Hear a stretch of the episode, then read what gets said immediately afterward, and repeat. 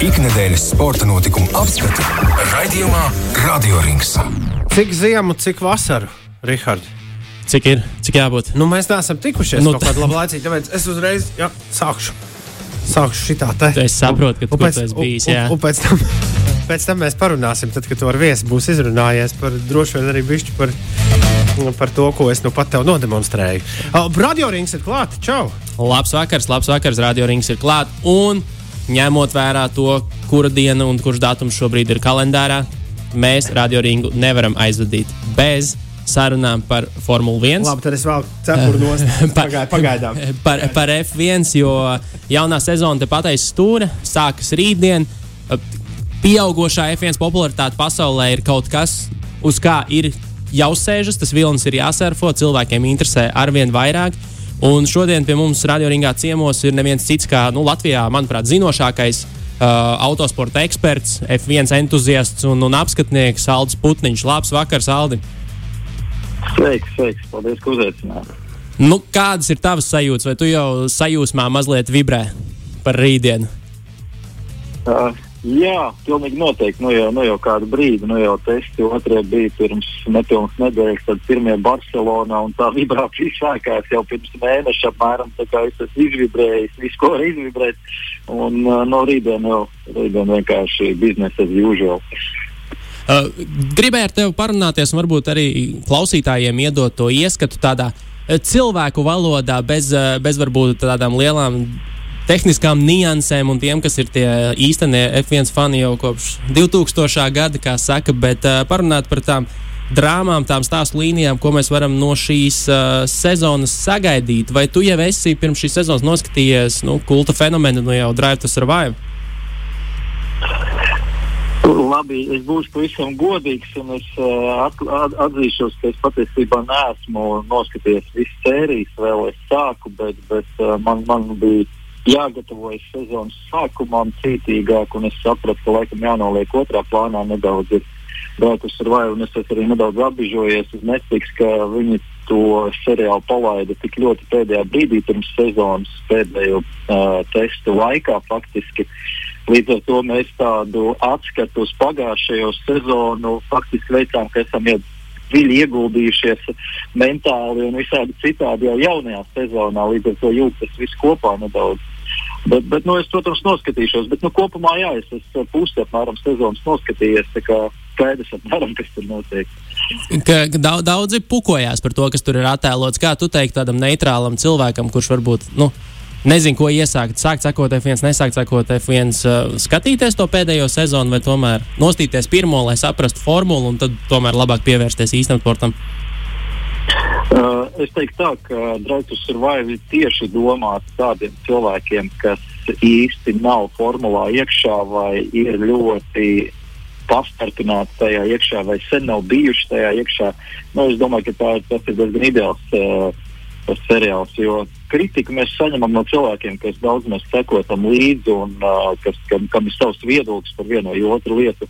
Bet, uh, kā es arī parunāju ar dažādiem, dažādu līmeņu līdzjutējiem, teiksim, kas varbūt tiešām nav tie ikdienas skatītāji, tad uh, viņiem tieši ir vajadzīgs tā, tas emocionālā, emocionālā saikne faktiski ar Formuli 1, jo, jo to nevienmēr mēs dabūjam sacensību laikā. Mēs redzam vairāk to tehniku un uh, tomēr tie piloti paslēpjas gan ķiverēs, gan, gan tajos dzelzceļa gabalos iekšā. Bet, uh, cilvēkam, jebkurā sporta veidā, ir vajadzīga kaut kāda varoņa, antivaroņa, bet nu, kā lai viņš noskaidro, kurš tas varonis. Un, un, uh, viņa skatījumā antivaronis, ja viņš neredz viņus bez ķiveres kaut kādās ikdienas situācijās, sarunās, tā tālāk, tā joprojām. Un, nu, tā tas seriāls, es domāju, ir absolūti ideāls tieši priekš jaunpienācējiem, Formule 1 līdzekļiem.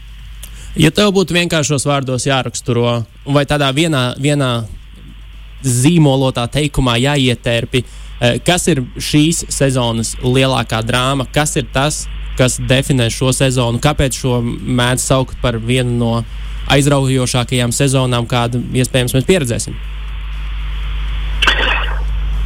Uh, jā, vienā teikumā, ja es, es tā mācētu tādā satriecošā vienā teikumā noraksturot, tad droši vien es būtu baigi krūtais mārketinga speciālists. Bet, bet kas man uzreiz nāk prātā, es domāju, ka tas ir otrais rauns tam, ko mēs redzējām pagājušā gadā.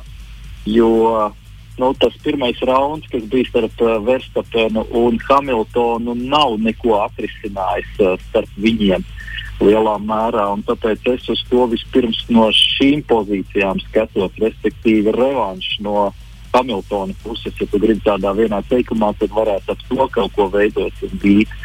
Jo pilnīgi skaidrs, ka Hamiltons ir atgriezies un atgriezies ļoti nikns, un viņš grib savu darbu izdarīt līdz galam. Galvenā lieta jau, ka viņš pilnīgi noteikti jūtas apbežots un jūtas piespiests pie sienas no, no dažādām pusēm. Tieši tad Hamiltons vienmēr ir bijis visspēcīgākais un visniknākais. Es ļoti gribu redzēt, kā tas izvērtīsies šogad. Uh, jo starp viņiem abiem tā situācija arī ir pamainījusies. Uh, viennozīmīgi Hamiltons ir iegūmis pēkšņi sev komandas biedru, kas ļoti iespējams viņam var sākt uh, traucēt arī kaut kādās iekšējās cīņās. Nu, es domāju, traucēt tādā ziņā, ka kādā kvalifikācijā būtu priekšā, kādā sacīkstē būtu priekšā. Savukārt, nu, Maksa Verstapena gadījumā Red Bull ir gājuši tieši pretējā virzienā. Maksa Verstapens ir absolūti uh, vienīgais princis eh, Redbullā un neviens nav atvēzējies uz, uz, uz viņa troni tur, un līdz ar to visa komanda griezīsies ap viņu. Tā kā šeit būs nedaudz apgrieztas pozīcijas, jo atcīmēs iepriekš Redbullā tomēr bija tā situācija, kad bija divi parastie piloti, kas, kas vienlīdzīgi bija gan Fetels ar Weberu savulaik, gan, gan pēc tam uh, Rikārdo ar uh, Verstapenu. Tagad tā situācija atkal ir mainījusies. Tā kā jā, es gaidu galvenokārt tas, tas, tas tā dueļu turpinājums. Tā. Mazliet pieskaroties tam, ko tu jau teici, jaunais Hamiltona komandas biedrs Džordžs Rasels. Tavs subjektīvais viedoklis, vai Džordžs Rasels būs tieši tik labs, cik viņu šobrīd mālē, vai, vai ņemot vērā vēl vienu būtisku faktoru, kas ir jaunās konfigurācijas mašīnas, kas ir nu, pilnīgi citādas nekā tās, nekā tās bija pirms tam. Vai Džordžs Rasels ir tieši tik liels favorīts, cik um, ir pamats to uzskatīt, vai tas pats Čārls Leclerc vai Lando Norris nevar uh, iekost tīrus pieredzi un, un ilgāk sēžot nu, konkurētspējīgā mašīnā? Uh, Jā, nu šie, šie tie kungi, kurus tu nosauci, puiši, teiksim, tā, kurus tu nosauci, ir pilnīgi noteikti tie, kas gaida to savu lielo izrāvienu. Viņi daudz maz arī vienas paudzes uh, piloti ir reizē gājuši cauri tam visam un ļoti, ļoti talantīgi paudze. Tā ir bijusi abi. Visi trīs ir berzējušies kopā mazākajās formulās. Un es domāju, ka viņi arī nodefinēs nākamo desmit gadu mums Formulā 1 lielā mērā. Nu, protams, tur būs vērtspapēns, joprojām būs vēl kāds, bet, bet tie visu laiku būs klātie puiši. Un, un attiecībā par pieredzi runājot, tad, ja nu kāds ir gatavs uh, tam izrāvienam, tad tas ir Džordžs Rasels. Viņš ir nosēdējies Viljamsā, viņš tur ir apbružājies no visām pusēm, kas arī ļoti vajadzīgs Formule 1 debitantam, talantīgam debitantam, jo neskaitām piemēri ir vēsturē, kur tieši tas, ka par agru tiek iemests baseina dziļajā galā tas pilots un, un kaut kādā brīdī saķepurojās un nevar izķeproties, teiksim tā, lai gan iepriekš ir bijis ārkārtīgi talantīgs. Tad šobrīd gan Leclerc, gan Norris, gan, uh, gan Džordžs Rasels ir jau apbružājušies un ir gatavi tam izrāvienam. Šeit ir jautājums, vai komanda dos viņam tādu tehniku, lai viņi uz to būtu spējīgi. Bet, nu, ja tu man prasa, kurš no šiem trim, tad uh, es teiktu, ka lielā mērā joprojām tas būs atkarīgs no viņu komandām. Man liekas, ka šeit jārunā vairāk par diviem. Starp Leclerc un Raselu tas izrāviens varētu būt šogad. Es, es laikam likšu uz Leclerc, ja tā, ja tā pavisam jā, jāizvēlās vienīgais. Nu, tad par braucējiem arī mazliet paturpinām. Ja tev būtu TV skatītājiem, sa, sacīkšu, sacīkšu vērotājiem, uh, jāpamāca, nu ne jāpamāca, bet jāiedod savus, eh, savus ceļvedis tam, kā sekot līdz šai formulē, tad es lūgšu tev nosaukt trīs braucējus, trīs dažādās kategorijās. Pārsteidzošākais, apbēdinošākais gadījums un visvairāk izklaidējošais gadījums personība, kam tavuprāt būtu vērts pievērst pastiprinātu uzmanību šajā sezonā? Jā, pārsteidzošākais. Uh no lielāko izraušanos. Es, es tur veselu basketbola komandu varētu nosaukt ar visiem rezervistiem vēl klāt. No kā es tieši gaidu šajā gadā izrāvienu, un es jau minēju to, pat, to pašu Raselu un uh, Leclerc. Jo tie puiši, mēs uz viņiem skatāmies jau divus, trīs gadus, kā uz nākamajiem čempioniem, kā uz pilnīgi noteikti ļoti talantīgiem. Uh, Eh, viņi to uh, pieredzes bagāžu ir uzkrājuši un uh, nokļuvuši vadošajās komandās. Visi, visas pamatlietas ir izdarītas un uh, tagad tikai ir jāmauc pa lielam. es, es teiktu, joprojām tas pats Leclerc. Es savilkšu ar iepriekšējo atbildi kopā ar, ar viņu. Es arī gaidu to lielāko pārsteigumu, jo, jo tas man iet nedaudz arī tā emocionālā ziņā kopā ar Ferrari, jo es zinu, ka ļoti daudz līdzekļu Ferrari, protams, arī Latvijā. Nu, arī man patīk sarkanās mašīnas. Es nesaku, ka es esmu nenormāls tifozī, bet, bet sarkanās mašīnas vienmēr ir eh, ļoti patīkami skatīties, kā uzvar. Un uh, nu, visi gaida to Ferrari atgriešanos un saistīšu ar Leclerc. Tā kā uz pirmo laikam būs uh, Leclerc kā atbilde, lai gan tur tikpat labi varam likt arī Karlos Sainz, kas ir viņa komandas biedrs. Un pat, uh, pat Jānu, Jānu Magnusenu dēlu Kevinu Magnusenu, kurš ir atgriezies Formula 1 un tic, izskatās pēc solītas mašīnas. Kā es teicu, tur vesela basketbola komanda man sanāk. Uh, kas bija otrais apbēdinošais. Otrā ir tāda, es, es varbūt nu, tā ieskicēšu, tā tāda Daniela Rikjārdo balva. Varbūt sagaidām kriet, kriet, krietni daudz, bet sezonas noslēgumā ir tāda mazliet rūkstuma sajūta mutē. Jā, te, te tu iebēri, iebēri sāli. Man arī brūcēs, jo, jo man uh, Daniels Rikārdo ārkārtīgi patika ar iepriekš, un, protams, patīk joprojām kā, kā pilots, arī kā personība. Un, jā, pagājušais gads bija smags, un man arī uh, ja, nedaudz pavīdēja kaut kur prātā, ka viņi varā, varētu likt, bet es teiktu, šoreiz Sebastians Petels. Uh, un es paskaidrošu, kāpēc. Jo Sebastians Petels uh, kopš uh, nu, saviem un es pat teiktu, kopš pirmajām viņa sezonām Ferrari, kad viņš ir milzīgs sajūsmas, milzīga enerģija un motivācija, aizgāja pēc tam lēnām, ir lēnām, lēnām iz, nu, izlaidis to gaisu, kā, kā, kā kā balons, var teikt, ar katru gadu. Un, uh, es īsti nesaprotu, kāda ir viņa motivācija šobrīd, godīgi sakot, vai viņš grib vienkārši pabraukt, labi, ļoti labi pavadīt laiku, vai tomēr viņš ir gatavs atvēsēties un ieguldīties tajā visā. Jo nu, nevar tā īsti tā kā, nu, uz pussolīti. Uh, to darīt, tur tiešām ir jāieguldās. Es domāju, ka viņš ir pietiekami inteliģents, lai to agrāk vēl saprastu. Šis ir pēdējais gads viņa uh, viņa esošajā līgumā. Un, līdz ar to es pieļauju, ka nu, arī šis Covid šī situācija, uh, mēs arī tajā brīdī redzējām, cik Hamiltons uzmanās ļoti, lai nesaķertu Covid. Jo jebkuram piltam, kurš saķer Covid, nu, pilnīgi skaidrs, tā sezona ir lielā mērā izbojāta vismaz no nu, kopējā rezultātu viedokļa, pēc tam vēl arī Covid sekas tā tālāk. Tā, tā, uh, līdz ar to Nu, viņš, es domāju, līdz galam nav ieguldījies, bet uh, pilotam jābūt vairāk kā par 100% tajā visā iekšā. Viss pilnīgi jānoliek malā pārējais. Līdz ar to es pieļauju, ka tas apbēdinošākais būs Sebastians Vetels, vismaz manā gadījumā. Nu, jā, jau starp citu par Covid runājot, jaunākās ziņas Sebastians Vetels ir saķēris Covid šobrīd, un viņu aizstās Niko Hulkenbergs pirmajā Bahreinas posmā, nu, kas, kas principā apstiprina to, ko tu saki. Un no, nu, tad tas pēdējais vēl, kas mums ir tāds jokers, kuru, kuru iespējams bū, būs jautri pavērot. Es nezinu, varbūt iepriekšējo gadu salīdzinājums tāds Piers Gazlīs, kurš var izšaut un, un, un būt, būt publikas mīlulis vai vienā vai vairākos posmos. Uh, jā, šeit, šeit es likšu uz uh, Fernando Alonso vecmeistaru, uh, jo viņš, manuprāt, uh, ir viens no izcilākajiem Formule 1 pilotiem, un joprojām tā tas ir. Tā es arī domāju. Eh, jo tā, tas, tas, kas ir viņa arsenālā, tieši dažāda veida spēja adaptēties dažādām mašīnām, ļoti maz pilotiem tādas iespējas ir. Viņš ir citu šādā veidā arī nevienu citu savu konkurentu karjeru. Var teikt, iznīcinājis tas pats Stofels un Dūns nāk prātā uzreiz, kas bija ļoti, ļoti talantīgs un izcils pilots. Bet uh, Alonso būs uh, izklaidējošs tādā ziņā, ka uh, viņš netiks pie pašas, pašas ātrākās mašīnas, bet izskatās, ka Alpēna gluži nebūs arī pilnīga cūka un ka tur kaut kas varbūt sanāks ar viņu atsevišķos posmos, atsevišķās trasēs, jo ļoti daudz kas mainīsies no trases specifikām šogad un apstākļiem tā tālāk. Līdz ar to ik pa brīdim mēs redzēsim to, to, to ekscelenci viņa izpildījumā. Turklāt, kā jau teicu, viņam ir pēdējie gadi. Viņš tagad ir, ir atnācis izklaidēties uz pilnu naudu. Tas skaidrs, ka viņš izklaidēsies gan trasē, gan ārpus trases.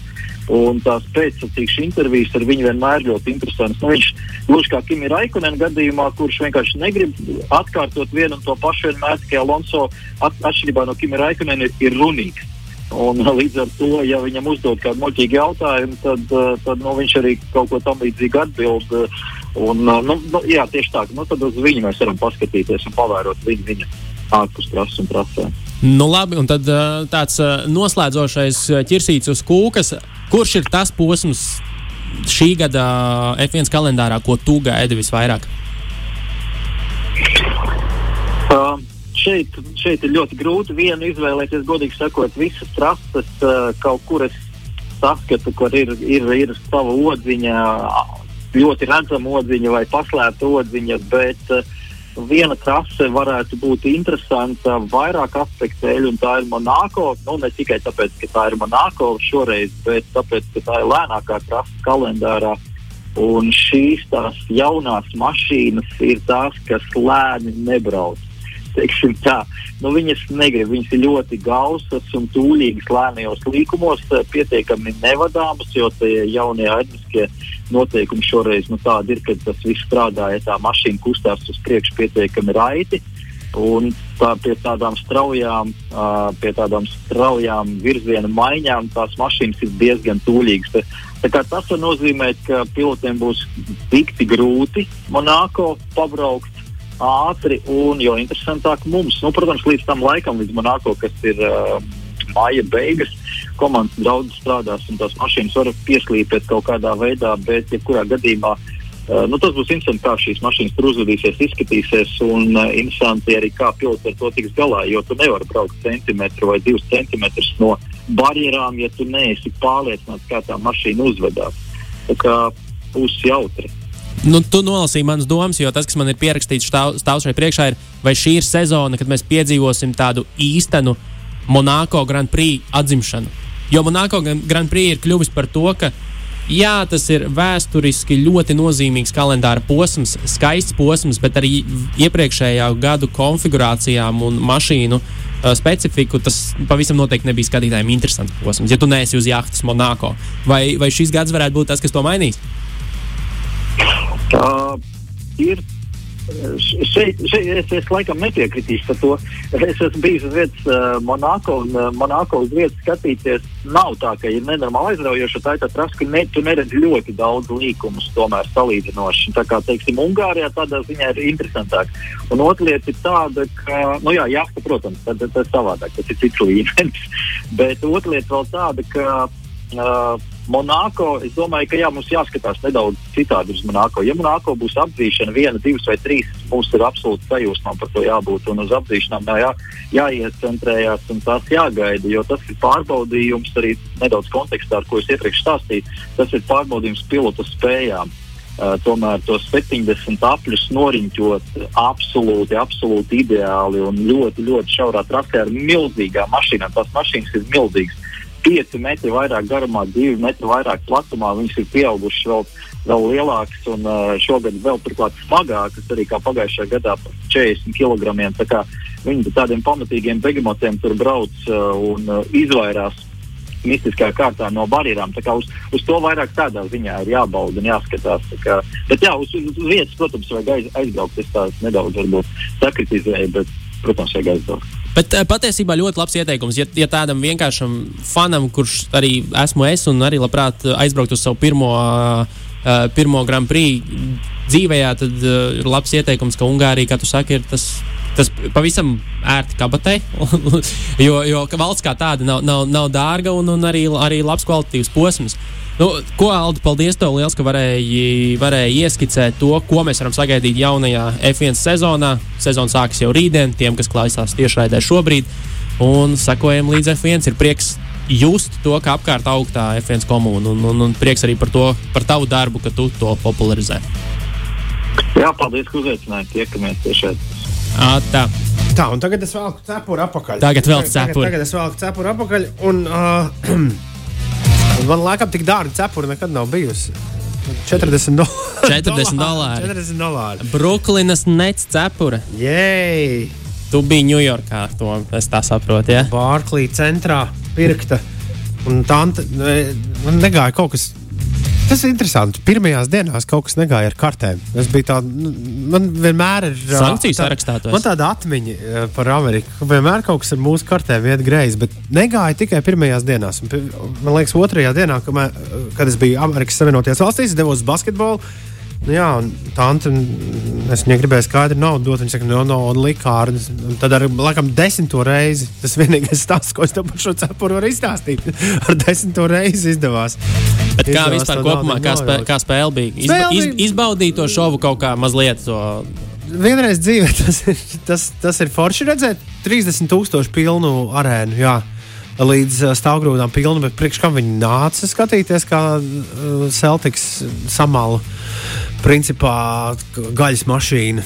Man liekas, plus 35 beidzās tā spēle. Uh, nabaga, nabaga nec, nu, tas man tā kā nepalika līdz galam skaidrs.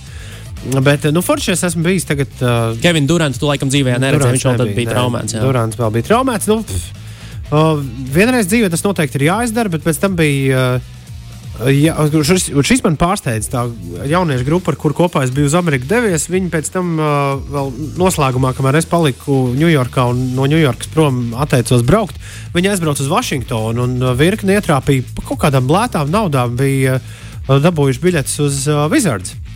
Uh, uz, Nu, uz Vizards var dabūt par lētām naudām. Tas man, tas man ļoti izbrīnīgi. Uz tādām rīktīgi, lētām naudām. Uh, un, un, un, un bija aizgājuši skatīties porziņu. un- un Viņi man pēc tam prasa, vai tā bija īsta NBA spēle. Un es sāku smieties, ko, ko jūs man, kāpēc jūs man tā prasāt?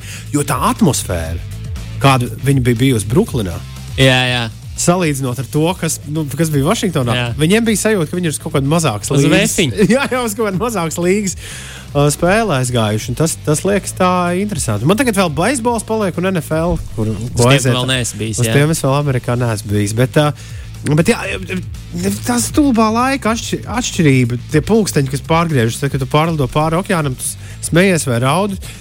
Tas basketbols man bija tā ieeja. Tu Ne. tā tā Brooklynas arēna, tāda liela, milzīga, tumša. jā. Uh, Tu skaties to basketbolu, jā, un vīri tur tā mierīgi met. Vienā pusē, otrā pusē man sāka līdznācēji bakstīt vienā brīdī. Cēlēs augšā. Bet uh, basketbola spēle nav, nav tas, uh, manuprāt, trakākais, kur aizmigt. Es esmu aizmigis, me- aizmidzis Metallikas koncertā. Ok, ok. Man bija gara nakts, un es, eh, man, bija, nu, man patīk koncertiem, iet sēdvietās, vai ne? Un, un es tā atbalstīju galvu pret, eh, pret stienīti un, un aizgāju čučēt. Viens nulle tavā labā. Vai ne? Pavisam noteikti. Pavisam noteikti. Bet uh, runājot par NBA, par Nacionālo basketbola asociāciju, nu, pirms kāda laika. Pieminējām to, ka ir bijusi liela, liela, liela latviešu maiņa. Nu, jau ir pagājis kāds laiciņš, tur tādas kaut kādas 13 spēlītes ir bijušas zem, zem jostas jau visiem spēlētājiem. un- Piedod par stulbu jautājumu. Kristaps vispār tiek spēlēt? Jā, jā, jā. Kristaps tiek spēlēt, un tur ir tā lieta, ka, nu, tā kā aptuveni tavi draugi arī to raksturoja, nu, viņš tur spēlējās un spēlējās, nu, spēļu laukumiņā, vai ne, un, un izklaidējās savā nodabā. Uh, rezultāti tur tās sekmes mainīgas, kā kurā spēlē, bet uh, nu, ir skaidrs, ka tur nekas īsti nu, šobrīd nenotiks tai, ar to komandu kā tādu. Ok. Un Kristaps tur izspēlējās. Bet kas ir interesanti, pavisam cita situācija ir Dārzs Bērtāns patiesībā, kurš. Uh, nu, ja mēs runājam par vispār ar Ziemeļamerikas sportiem, kam jāsako līdzi, nu, tad īstenībā varbūt būs pat ērti latviešiem, jo katrā līgā būs nu, pa, vienam, pa vienam klubam, kur kam pasakot līdzi. Un, un, un Nacionālajā basketbola asociācijā tas būs uh, Dallas Mavericks vis, visnotaļ uh, stabili, kas šobrīd atrodas uh, piektajā vietā rietumu konferencē, bet uh, ar, ar iespēju uh, uzcīnīties vismaz līdz uh, ceturtajai vietai, trešā varbūt ir pat tālāk. Bet Dārzs Bērtāns Ja skatās virspusēji, nu, tādus viņa statistikas rādītājiem, 5 punkti vidēji spēlē, 2,4 bumbas, tur 0,5 piespēles un laiks spēles praktiski identisks. Vašingtons, nu, tam, tam Vašingtons situācijā, kurā mēs eh, pukojāmies par to, ka Dāvis vispār nelaiž laukumā, uh, un, un, un, un nu, lielais līgums, izgāzušais spēlētājs. Bet, ja parok dziļāk un paskatās Dallas Mavericks spēles šobrīd, tad Dāvi Bērtāni tas, tas ir, ir fantastiski vērot, kā komanda izmanto tādu spēlētāju kā Dāvis Bērtāns. Nu, no vienas puses, skumji, ka lielā, nespēlē tādu lielo priekšē, priekšējā plāna lomu, bet viņš ir ļoti labs otrā plāna spēlētājs, jo tas, ko viņš dara, viņš vienkārši eksistē laukumā. Un šī viņa eksistence ļoti palīdz spēlētājiem, kas ir ap viņu uzbūvēti. Viņš beidzot tiek izmantots nu, kā bandinieks, uh, tādā, lai gūtu maksimumu labumu no, nu, no viņa eksistences vispār komandā. Un, un, un, ja paskatās uz statistikas rādītājiem, tad, kā jau teicu, Dāvija paši rādītāji nav mainījušies no, vaš, no, nu, no tā Vašingtonas uh, snieguma. Bet, lau, kad viņš atrodas laukumā, tad tādi spēlētāji kā Luka Dončičs met gandrīz par de, vairāk par 10% punktiem labāk no spēles. Jo viņš daudz biežāk var iet pilnīgi brīvos caurgājienos, jo Dārzs Bērtāns savu sēdzēju var aizvilkt tik tālu, cik viņš stāv līdz centram. Ja Dārzs Bērtāns stāv pie centra, sēdzējs viņam stāv klāt. Jo tāpēc, ka ja Dārzs Bērtānam tur vienam pašam iedos bumbu, viņš metīs un viņš var iemest. Par spīti tam, ka viņa procents šogad nav tik labs, viņu respektē. Un, un, un, un tas pats ir arī jauniegūms, ar ko viņš atnāca kopā Spencers Dienvidīs, ko arī nevarēja saprast, kas ar viņu tagad notiks. Viņš ir perfekti atvērties, viņš arī ir tāds agresīvs pirm, ātrā pirmā soļa spēlētājs, kurš, ir, kurš var iziet labā caurgājienā. Un, ja laukumā atrodas tāds spēlētājs kā Dārzs Bērtāns, arī viņam kā, metienu precizitāte no laukuma uh, kopumā ir uh, gandrīz, gandrīz par 10% punktiem labāka. Un, un Dāvis ir atvēris rokas pareiziem spēlētājiem komandā, komanda šobrīd ir uzvarējusi 10 no pēdējām 13 spēlēm un ir uz fantastiska viļņa. Uh, Tas pats Luka Dončičs, kurš nu, pilnīgi noteikti vismaz šajā īsajā nogriezienī var tikt uzskatīts par MVP kandidātu, ir uh, pilnībā atvērties. Nu, un, un, protams, ka tas nav tikai Dārzs Bērtāns, bet Dārzs Bērtāns viennozīmīgi dod komandai vairāk nekā mēs redzam uh, tādā protokolā ierastā, un nekā tas bija Vašingtonas Wizards sastāvā. Un kas ir, kas ir patīkami, un tas atgādina mazliet San Antonio Spurs gadus, kur arī Viņš, protams, nebija 16 miljonu spēlētājs un, un, un, un, un galvenā viole, bet viņa pienesumu treneris mācīja izmantot. Un šis ir. Nu, es labāk skatos, kā mūsu spēlētāji izmanto lielu mērķu sasniegšanai, nekā viņš gūs daudz punktus, bet komanda muļājas uz vietas. Bet tad sanāk, ka šis viss ir pluszīme būs beigās bijis. Nu, nu, es tev, tevī tā, tā, tā to paredzēju. Varbūt jā, par Kristapa sniegumu var diskutēt šobrīd. Nu, jo no viņa vienkārši tās gaidas bija daudz, daudz lielākas. Bet tas, kā, Vašing, kā Dallas izmanto dāvu Bērtānu, manuprāt, ir, ir, ir ļoti, ļoti skaisti. Viņi viennozīmīgi redz vērtību viņa Labi, eksistencē. Varam dators ciet. Uh, pro futenis Džeki saka, ka šovakar Galatas ar Barcelonu būs brīnuma zīmes. Nu, pastīsimies. Redzēsim, jā. Labi, paldies. Tas Labs bija Radio Rīgas. Čau, tā. Ikdienas sporta notikumu apskatu raidījumā Radio Rīgas.